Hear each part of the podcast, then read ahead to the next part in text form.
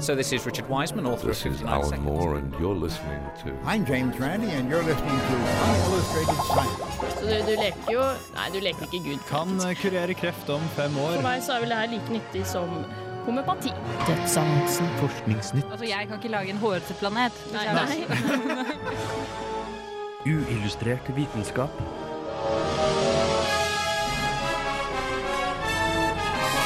Science, works. I dagens sending av Uillustrert vitenskap forteller vi deg hva en lyd egentlig er, og hvorfor du i fremtiden ikke trenger å irritere deg over tunge IKEA-møbler. I tillegg får du vite hva et tachyon er.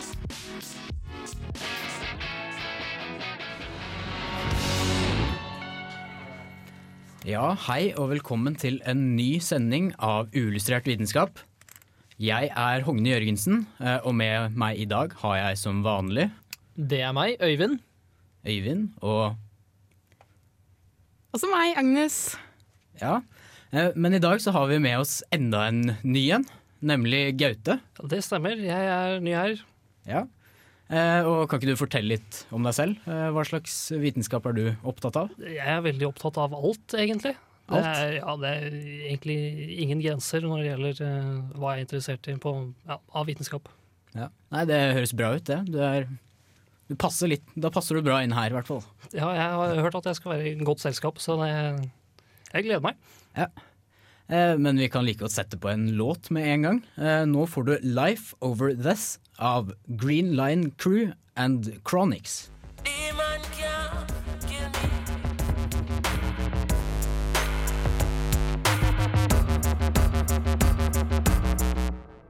3D-printeren, maskinen som vil utkonkurrere Ikea.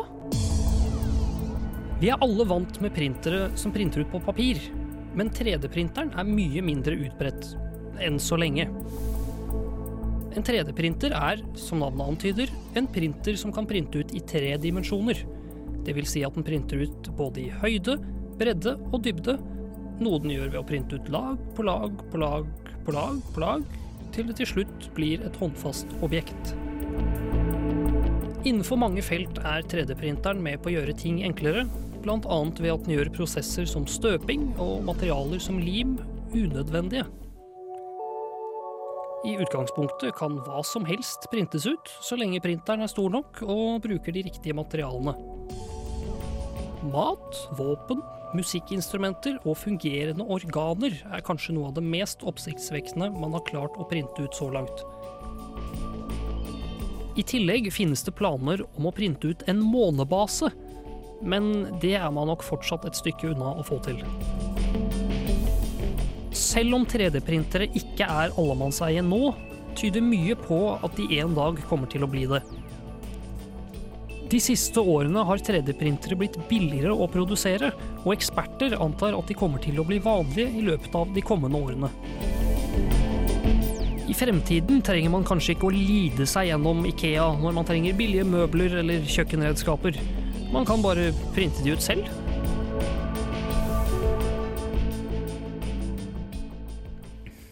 Ja, der fikk du saken til Gaute om eh, 3D-printere. Veldig interessant sak. Eh, du nevner jo mange ting som du kan bruke til å lage 3D-printere, men eh, har du noen eksempler på vanskelig avanserte ting vi kan lage med 3D-printere? Ja, noe av det mest avanserte er vel kanskje dette med fungerende organer. eh, Som man da har klart å, printe ut ved å bruke stamceller som da materiale i 3D-printeren. eh, Som da printer ut strukturen til et organ med disse stamcellene. Og disse da skjønner av seg selv at de skal utvikle seg da til å bli et fungerende organ. Det skal sies at man, man har ikke klart å lage noen som er store nok til å putte inn i et menneske enda, men eh, både lever og nyrer har man faktisk klart å lage fungerende mikroversjoner av. Tro det eller ei, altså. Det, Det høres veldig kult ut. Men det, dette er ikke, da, det er ikke vanlige 3D-printere dette her, som kan lage organer. Det fins kanskje litt forskjellige typer Nei, det, det finnes selvfølgelig flere forskjellige typer 3D-printere. Og den må jo ja, lages på en måte sånn at den eh, støtter dette her. For eh, det, det å printe ut celler tar jo stort sett og dreper de, hvis ikke du har en spesiallagd eh, 3D-printer. Mm, ja. Uh, ja, enda mer ting. Hva, hva kan du bruke 3D-printere til? Det var jo ganske, styrt, eller ganske stort oppstyr eh, rundt eh, en amerikaner som klarte å lage et fungerende våpen med en 3D-printer. eh, Som da var eh, omtrent bare av plastikk, med unntak av den eh, eh, Hva er det het for noe? Den eh, eh, tennstempelet eh, som, som antenner da eh, patronen. Og, for den var da en, en spiker, ikke noe mer avansert enn det. Mm. Så det var rett og slett da en, en plastklump printet ut eh, med da en spiker inni, som faktisk kan brukes til å skyte med, eh, gitt da det fantastiske navnet Deliberator, sånn, i god amerikansk stil. Men eh, altså Det fungerer sånn at du bare putter på Du bare putter på materialer, og så får du ut no, noe? Ja, det er stort sett sånn det fungerer. Eh, 3D-printeren bruker en, en datafil eh, som da beskriver hva slags mønster den skal printe ut, og så får du da det håndfaste objektet. Ja, Så du kan bare slenge inn alt som du ellers ikke trenger? Si for eksempel noen lager en bil av jeg vet ikke, fiskeslo, for eksempel? Eh, Ja, det er fullt mulig. Hvis du klarer å lage en 3D-printer som printer ut eh, fiskeslo eh, i en form av en bil, og klarer å få det til å henge sammen, så er det absolutt fullt mulig, ja. Da, da tror jeg har funnet Ja, da har vi funnet ut nytteverdien i det her, altså. Bedre kjent som studentbilen. Ja, for det er sånn at du må, du må jo putte noe i den, skjønner jeg. Du er jo nødt til å putte noe i den for at det skal bli printet ut igjen, men er, blir ikke det litt sånn hensiktsløst hvis man uansett er nødt til å putte La oss si organer, da, som kanskje jeg syns var litt interessant. Da blir det jo sånn at man i utgangspunktet er nødt til å putte celler eller stamceller i den. Ja, eh, det stemmer jo. Så det, det er jo ikke akkurat billig. eh, Og det er jo flere som lurer på om det egentlig eh, er, er verdt det å, å bruke en, en 3D-printer til å printe ut de stamcellene, fordi man jo da må dyrke fram celler, og så må man ha en maskin som ikke dreper de i printerprosessen. Men til gjengjeld så, så slipper du jo alt det eh, styret med å drive av og, og få til strukturen riktig, da. Og, og den, ja, Men kalles eh, støping. jeg har også sett sånne 3D-printere du kan kjøpe på Kickstarter og sånne ting. Ja. Har du noe bilde av hvor gode disse er, og hva du kan faktisk gjøre med disse? Ja, altså De kan jo selvfølgelig ikke printe ut stamceller, Eh, de Nei. er ikke så avanserte. Uh, og det kreves en del fikling for å klare å, å få det til å fungere. Um, men uh, de er helt kapable til å printe ut eh, det meste av eh, skulle si Hvis du trenger en gaffel eller en ny kopp eller asjetter, en liten plastikkdings av en eller annen eh, måte, Nipsfigurer. Så det blir slutt på at man eh, faktisk kjøper noe i butikken da, av plastikk. Ja, det kan i hvert fall det. Eller så ender vi opp med at butikkene har mye lettere måte å lage alt dette plastikket er det på, så det blir enda billigere å kjøpe.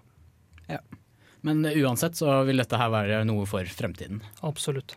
Eh, Men da tenker jeg vi kan sette på litt mer musikk. Nå kommer 'Changing of Seasons' av Two Door Cinema Club.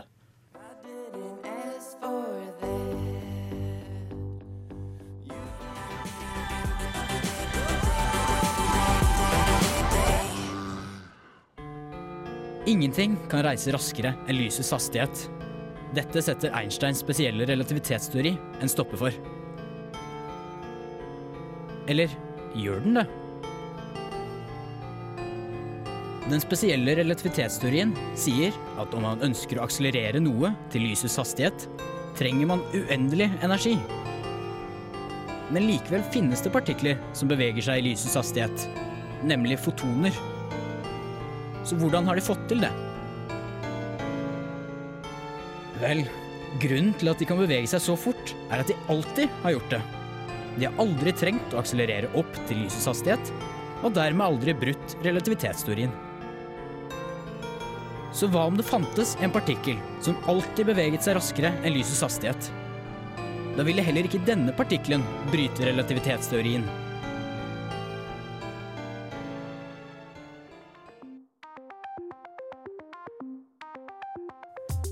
Denne hypotetiske partikkelen har forskere gitt det kule navnet tachyon, og den ville oppført seg veldig rart.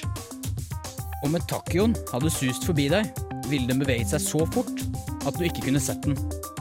Men man ville likevel sett dopplereffekten etter den, som et blålig og rødlig skjær foran og bak partikkelen. Og selv om tachyonet ikke bryter relativitetsteorien, har den likevel et troverdighetsproblem. Den må nemlig ha imaginær masse for å kunne eksistere. Og dette gjør det svært vanskelig for forskere å forestille seg hvordan tachyonet ville sett ut eller oppført seg. Et annet problem er at man ville kunne lage tachyon-antitelefoner og sende signalet inn i fortiden, og dette ville skapt store paradokser. Man ville f.eks. kunne motta tachyoniske signaler før de er sendt, og dermed kommunisere med fortiden. Og om dette hadde vært mulig, hadde nok fremtidens mennesker allerede varslet oss.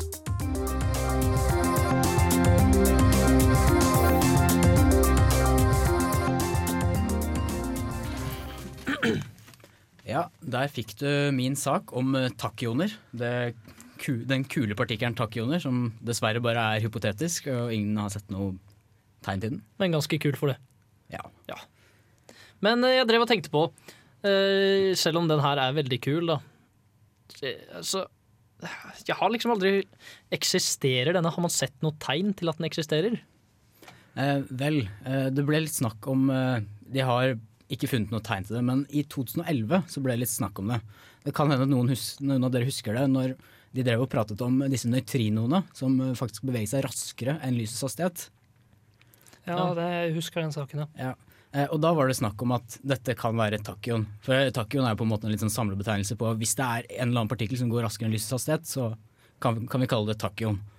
Eh, og da ble det litt snakk om det kanskje fantes tachyoner. Men eh, så ble jo det vist etterpå da, at det var en stoppklokke som hadde, vært litt, eh, hadde gått litt for raskt, og så hadde det skjedd noe feil, og så gikk den ikke egentlig like fortere enn lysets hastighet. Ki- Kjipt. Men Hogne, mens vi snakker om obskure ting som man ikke vet helt osv., hva er imaginær masse egentlig? imaginær masse. Eh, det tror jeg ikke er noen som klarer å forestille seg. Eh, den imaginære enheten det er jo da kvadratroten av minus én. Men hva dette her vil si i praksis Man bruker da den imaginære enheten for en del kvantefysikk som gjør at ting fungerer. Men masse har man for så vidt ikke sett i det hele tatt. Vi har, ikke- man, man har ikke engang sett negativ masse, så hva en imaginær masse skulle vært, det tror jeg det er ingen som klarer å forestille seg i det hele tatt. Men uh, matematikken, hvis du setter inn eh, den imaginære enheten, så vil du få plutselig en partikkel som beveger seg raskere enn lysets hastighet. Hmm. Uh, ja. Men uh, hva er forskjellen på imaginær og negativ masse, egentlig? Eller er det det man ikke vet? Nei, begge deler er jo to ting som man egentlig ikke tror eksisterer. Eh, Ja. Og ikke klarer å forestille seg heller. Men eh, man vet jo aldri. Man kan finne ut av et eller annet i framtiden som faktisk viser at eh, det går likevel. Ja. Ja. Men det som gjør at takkjoner er enda litt mindre sannsynlig, er jo at hvis disse klarer å sende signaler til noe som går saktere enn lysets hastighet, så har man plutselig klart å kommunisere med fortiden. Og det er jo da egentlig umulig. Ja, For da får du vel ganske mange sånne paradokser med Ja. drepe bestefaren sin og så Ja, så hvis du hadde sendt deg selv tilbake i fortiden, så kunne du på en måte gjort Eller i det hele tatt bare sendt et tachyon-signal. da, Som bare hadde, Du hadde hyra inn en sånn der eh, massemorder eller noe sånt til å drepe bestefaren din. Så ville du aldri blitt født selv, eh, og da har du et lite problem. For hvordan i verden kunne du gjort det når du aldri ble født? Ja. Ja, det er, det er Men det er jo ikke mulig, nei. Nei. Så, Så- det, hvis tachyoner eksisterer, så kan de i hvert fall ikke kommunisere med partikler som beveger seg under lysets hastighet. Men det er det man, hvis man, når man ser filmer hvor de går tilbake i tid, så er det alltid snakk om at du ikke må på en måte kløne til noe, fordi da kan det skje noe forferdelig. Eller altså, at man alltid snakker om at man ikke skal røre Er det det du tenker på når du sier kommunisere med partikler? Ja, At du ikke skal kløne til noe, men uansett hva du gjør, så vil du påvirke om, omverdenen.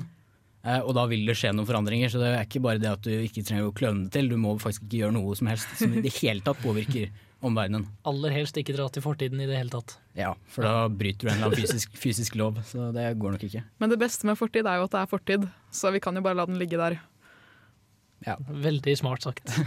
Jeg vet. Men uh, tachyoner har hjulpet ganske mye forskere sånn, uh, til å finne ut at uh, deres hypotese faktisk ikke stemmer. For hver gang du får ut at eh, takioner må eksistere, så har de da sett at ja, da er det et eller annet gærent med den teorien min. Så da må jeg endre på teorien slik at vi ikke får ut takioner. Eksempel strengteori hadde i begynnelsen sånne takioner, og de har nå fjerna de da, for det er en sånn partikkel som forskere ikke tror finnes. Så den har på en måte hjulpet oss på én måte, da. Noe synd å høre. Ja, det er synd at den ikke finnes, for den hadde vært veldig kul. Eh, men nå kan vi prøve å få satt på 'Changing of Seasons' av eh, Two Door Cinema Club. So it's over.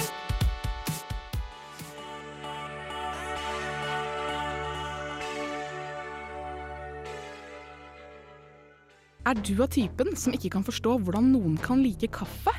Syns du det er en utfordring å ta tran hver morgen? Ta det med ro, du er ikke en særing.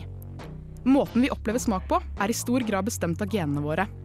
Hvor intenst vi opplever de fem grunnsmakene salt, surt, bittert og den femte grunnsmaken umami, som er en slags proteinsmak, avhenger av hva slags type smaker du er. For det er nemlig slik at vi nå har funnet en måte å gruppere befolkningen på. Du er enten en smaker, en ikke-smaker eller en supersmaker.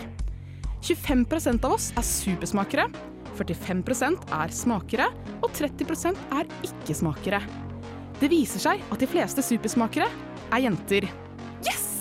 Disse supersmakerne enser smaken omtrent fem ganger så bra som de som ikke er smakere. Men er det egentlig sånn at de som er ikke-smakere, får en kjedeligere gastronomisk opplevelse enn de som smaker mer? Nei da. For mens tunga, med alle sine smaksløker, kjenner de fem grunnsmakene, oppleves hele 80% av smaken ved luktesansen vår. Heldigvis kan smak trenes, og opplevelsen vi får når vi spiser, vil endre seg hele livet. Det er derfor mange barn ikke liker grønnsaker. De har rett og slett en helt annen smaksopplevelse enn voksne.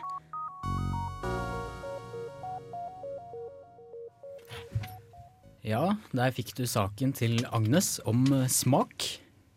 Ja. Eh, en veldig interessant, eh, veldig interessant sak. Sak og smak. Jo, takk for det. Reportasje. Ja.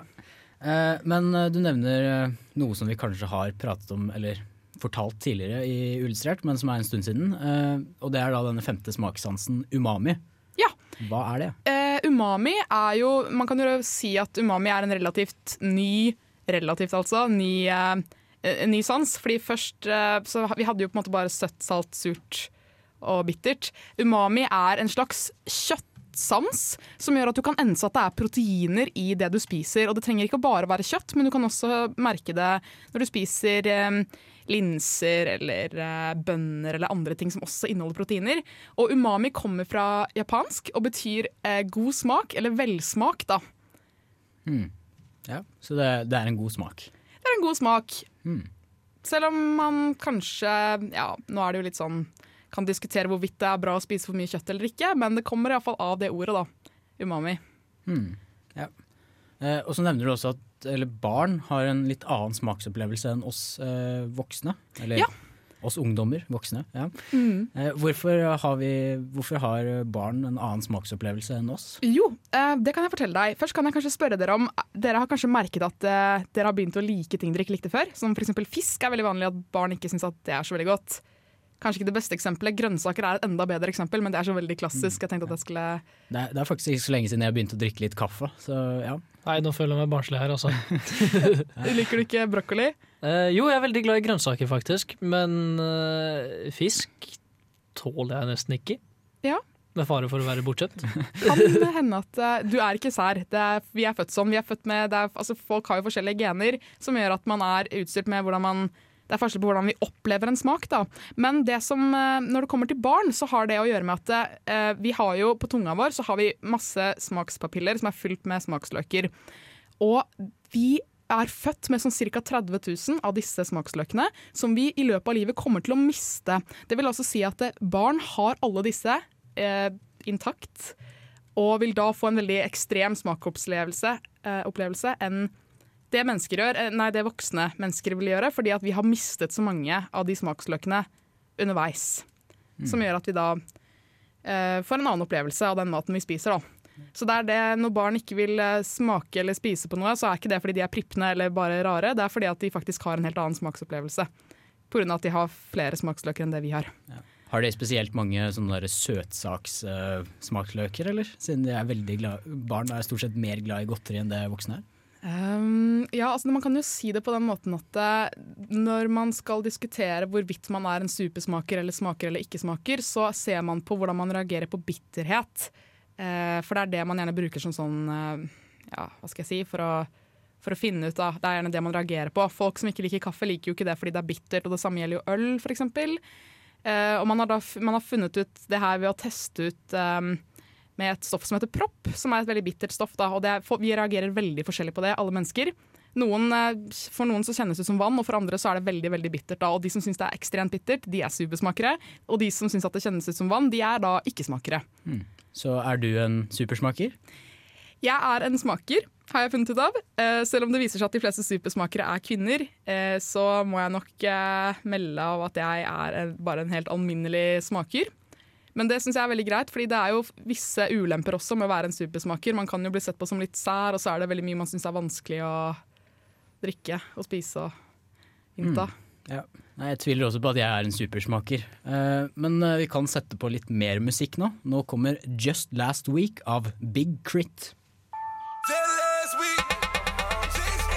Today I'm out.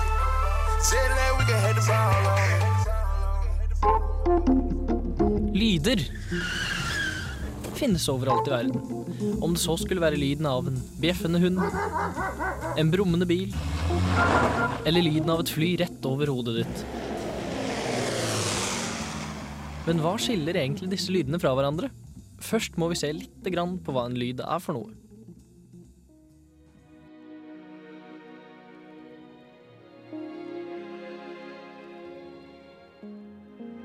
Bunn og grunn så er lyd og bevegelse i og for seg en og samme ting. Når vi snakker, roper, hvisker eller bruker stemmen vår på noen som helst måte, vibrerer stemmebåndene ved å strekke seg ut og trekke seg sammen. Slik dytter stemmebåndet på luftmolekylene rundt oss, som igjen dytter videre på andre molekyler og danner bølger og strømninger i lufta.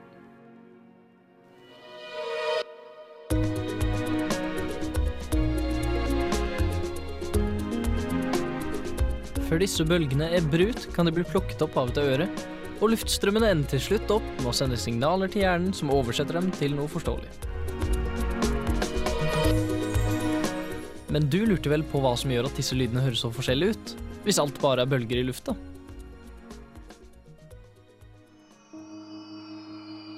Forskjellen i lydene koker i bunn og grunn ned til tre ting. Volum, tonehøyde og renhet.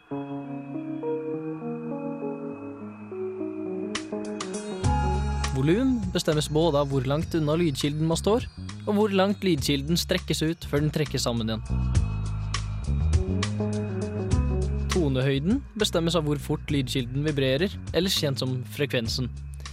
Et objekt som vibrerer med stor hastighet, vil lage en lysere tone.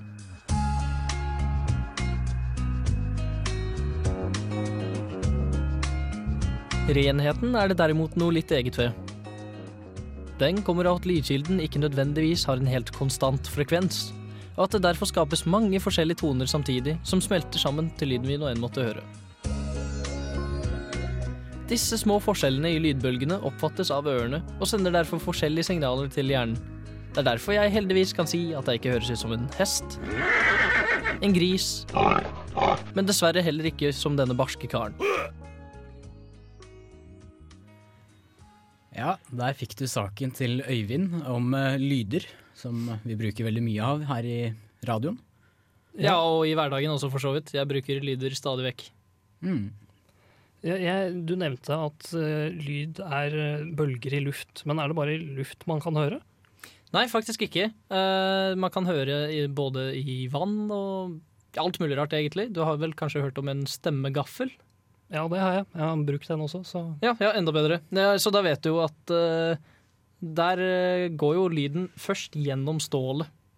Eller hva det nå enn er laget av, da. Ja. Eh, før den så går videre ut i lufta. Men eh, det funker også i Ja, for eksempel Funker vel egentlig i alt mulig. Men eh, et godt eksempel er jo kanskje vann. For du har, har Noen har, her har kanskje hørt om hvaler før, og hvordan de Altså har jo så klart hørt om hvaler, men eh, hvor mye lyd de faktisk lager, da. Ja. For de lager jo lyd sånn tilsvarende like høyt som en rakett. Og det har jeg alltid lurt på, hvis du er i nærheten av en hval idet den lager den lyden, blir man da døv? Fordi at man får altfor høy lyd og ødelegger uh, Ja, jeg, har, jeg har hørt at man faktisk At du blir helt stokk døv eh, hvis du er helt inntil. Så det er faktisk farlig å holde seg i nærheten av hvaler under vann i hvert Ja, fall. Ja, spesielt under vann, for der går lyden mye raskere. Jo, det, er, det er vel faktisk sånn at jo hardere uh, det her elementet som eh, lyden går gjennom er, jo, eh, jo raskere går lyden gjennom, fordi det blir, er mye tettere. Og da dytter molekylene mye raskere på hverandre. Eh, og derfor vil også lyden eh, bli mye høyere, Mm. i f.eks. i vann, enn i luft. Men uh, du hører ingenting da i vakuum, for da har du på en måte ikke noe medium for lyden Ja, det er akkurat det. Ja. Eh, Det er jo derfor man ikke hører i verdensrommet og alt det der. der. Så hvis man fyrer av et pistolskudd i verdensrommet, hva skjer da egentlig? Jeg har lurt veldig lenge på det. Ja, hva som skjer da? Det er vel eh, Det er jo litt vanskelig å si, eh, men, eller det er ikke vanskelig å si, men eh, det, er, det vil gå veldig langt. Godt mulig det går for alltid, men det er alltids noen sånne små forstyrrelser som får det til å stoppe til slutt, eller helt til det krasjer i noe, da. Men basically så er det det at det går veldig langt. Hmm. Ja. Ja.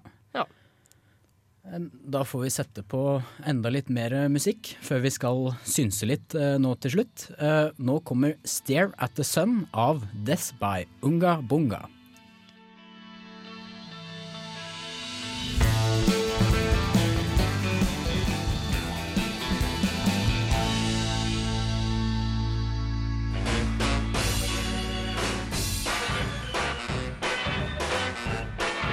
Hei, jeg heter Petter Skjerven, og jeg lytter til Illustrert vitenskap på Radio Revolt så ofte jeg bare kan. Uillustrert. Veldig bra. Hei, jeg heter Petter Skjerven, og jeg lytter til Uillustrert vitenskap på Radio Revolt så ofte jeg bare kan.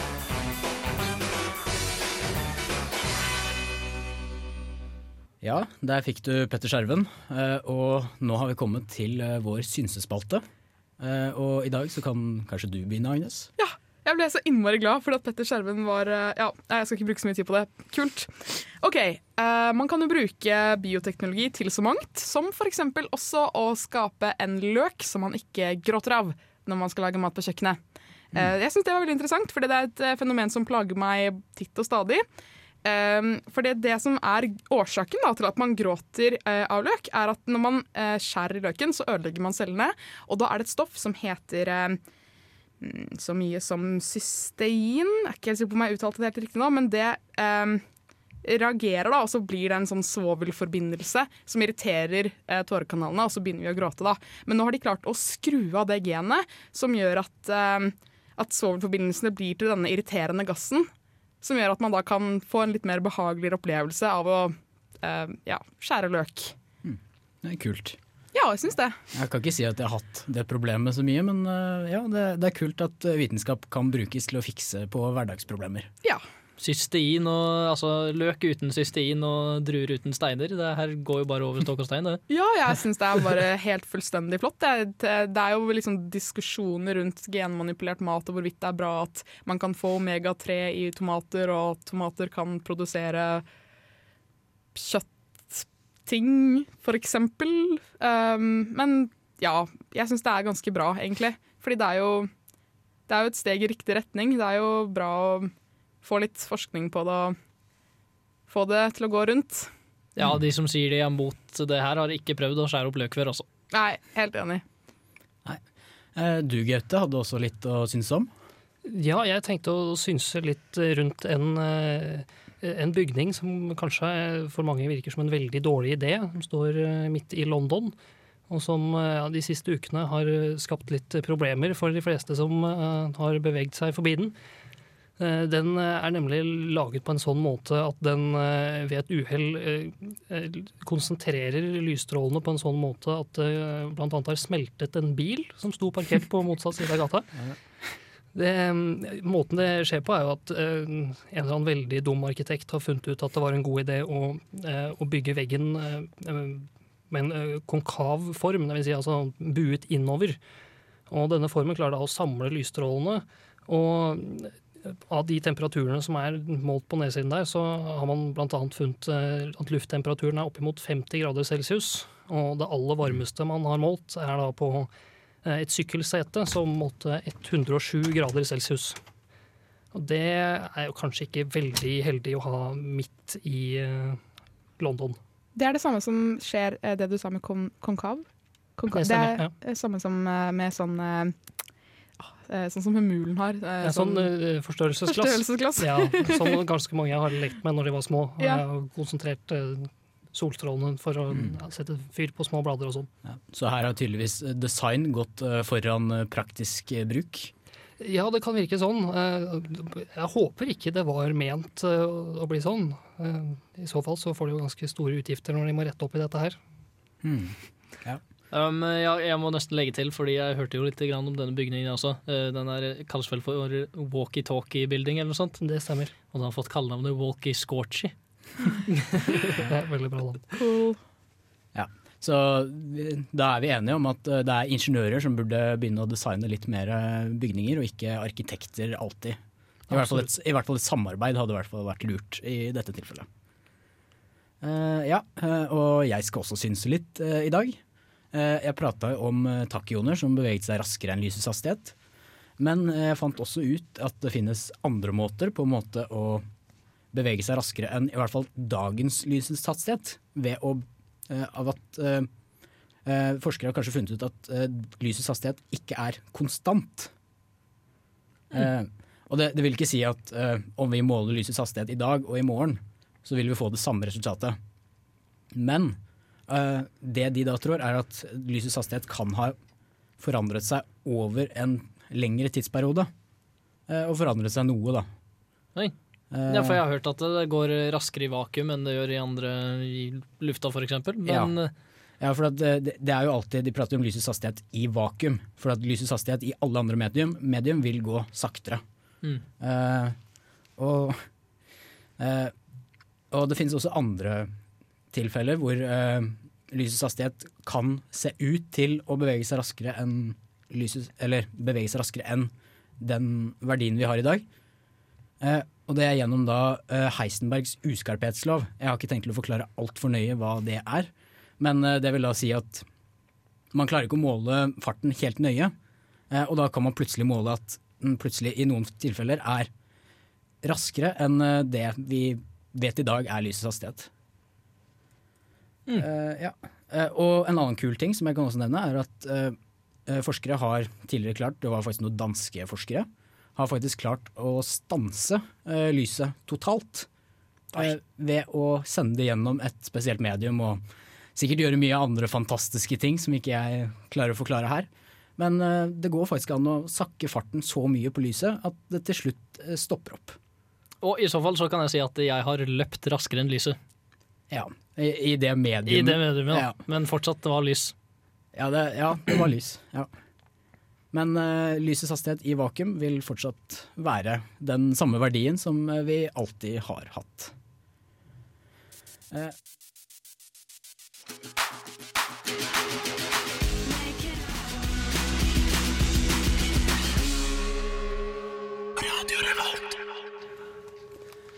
Ja, da begynner vi å nærme oss slutten på sendinga.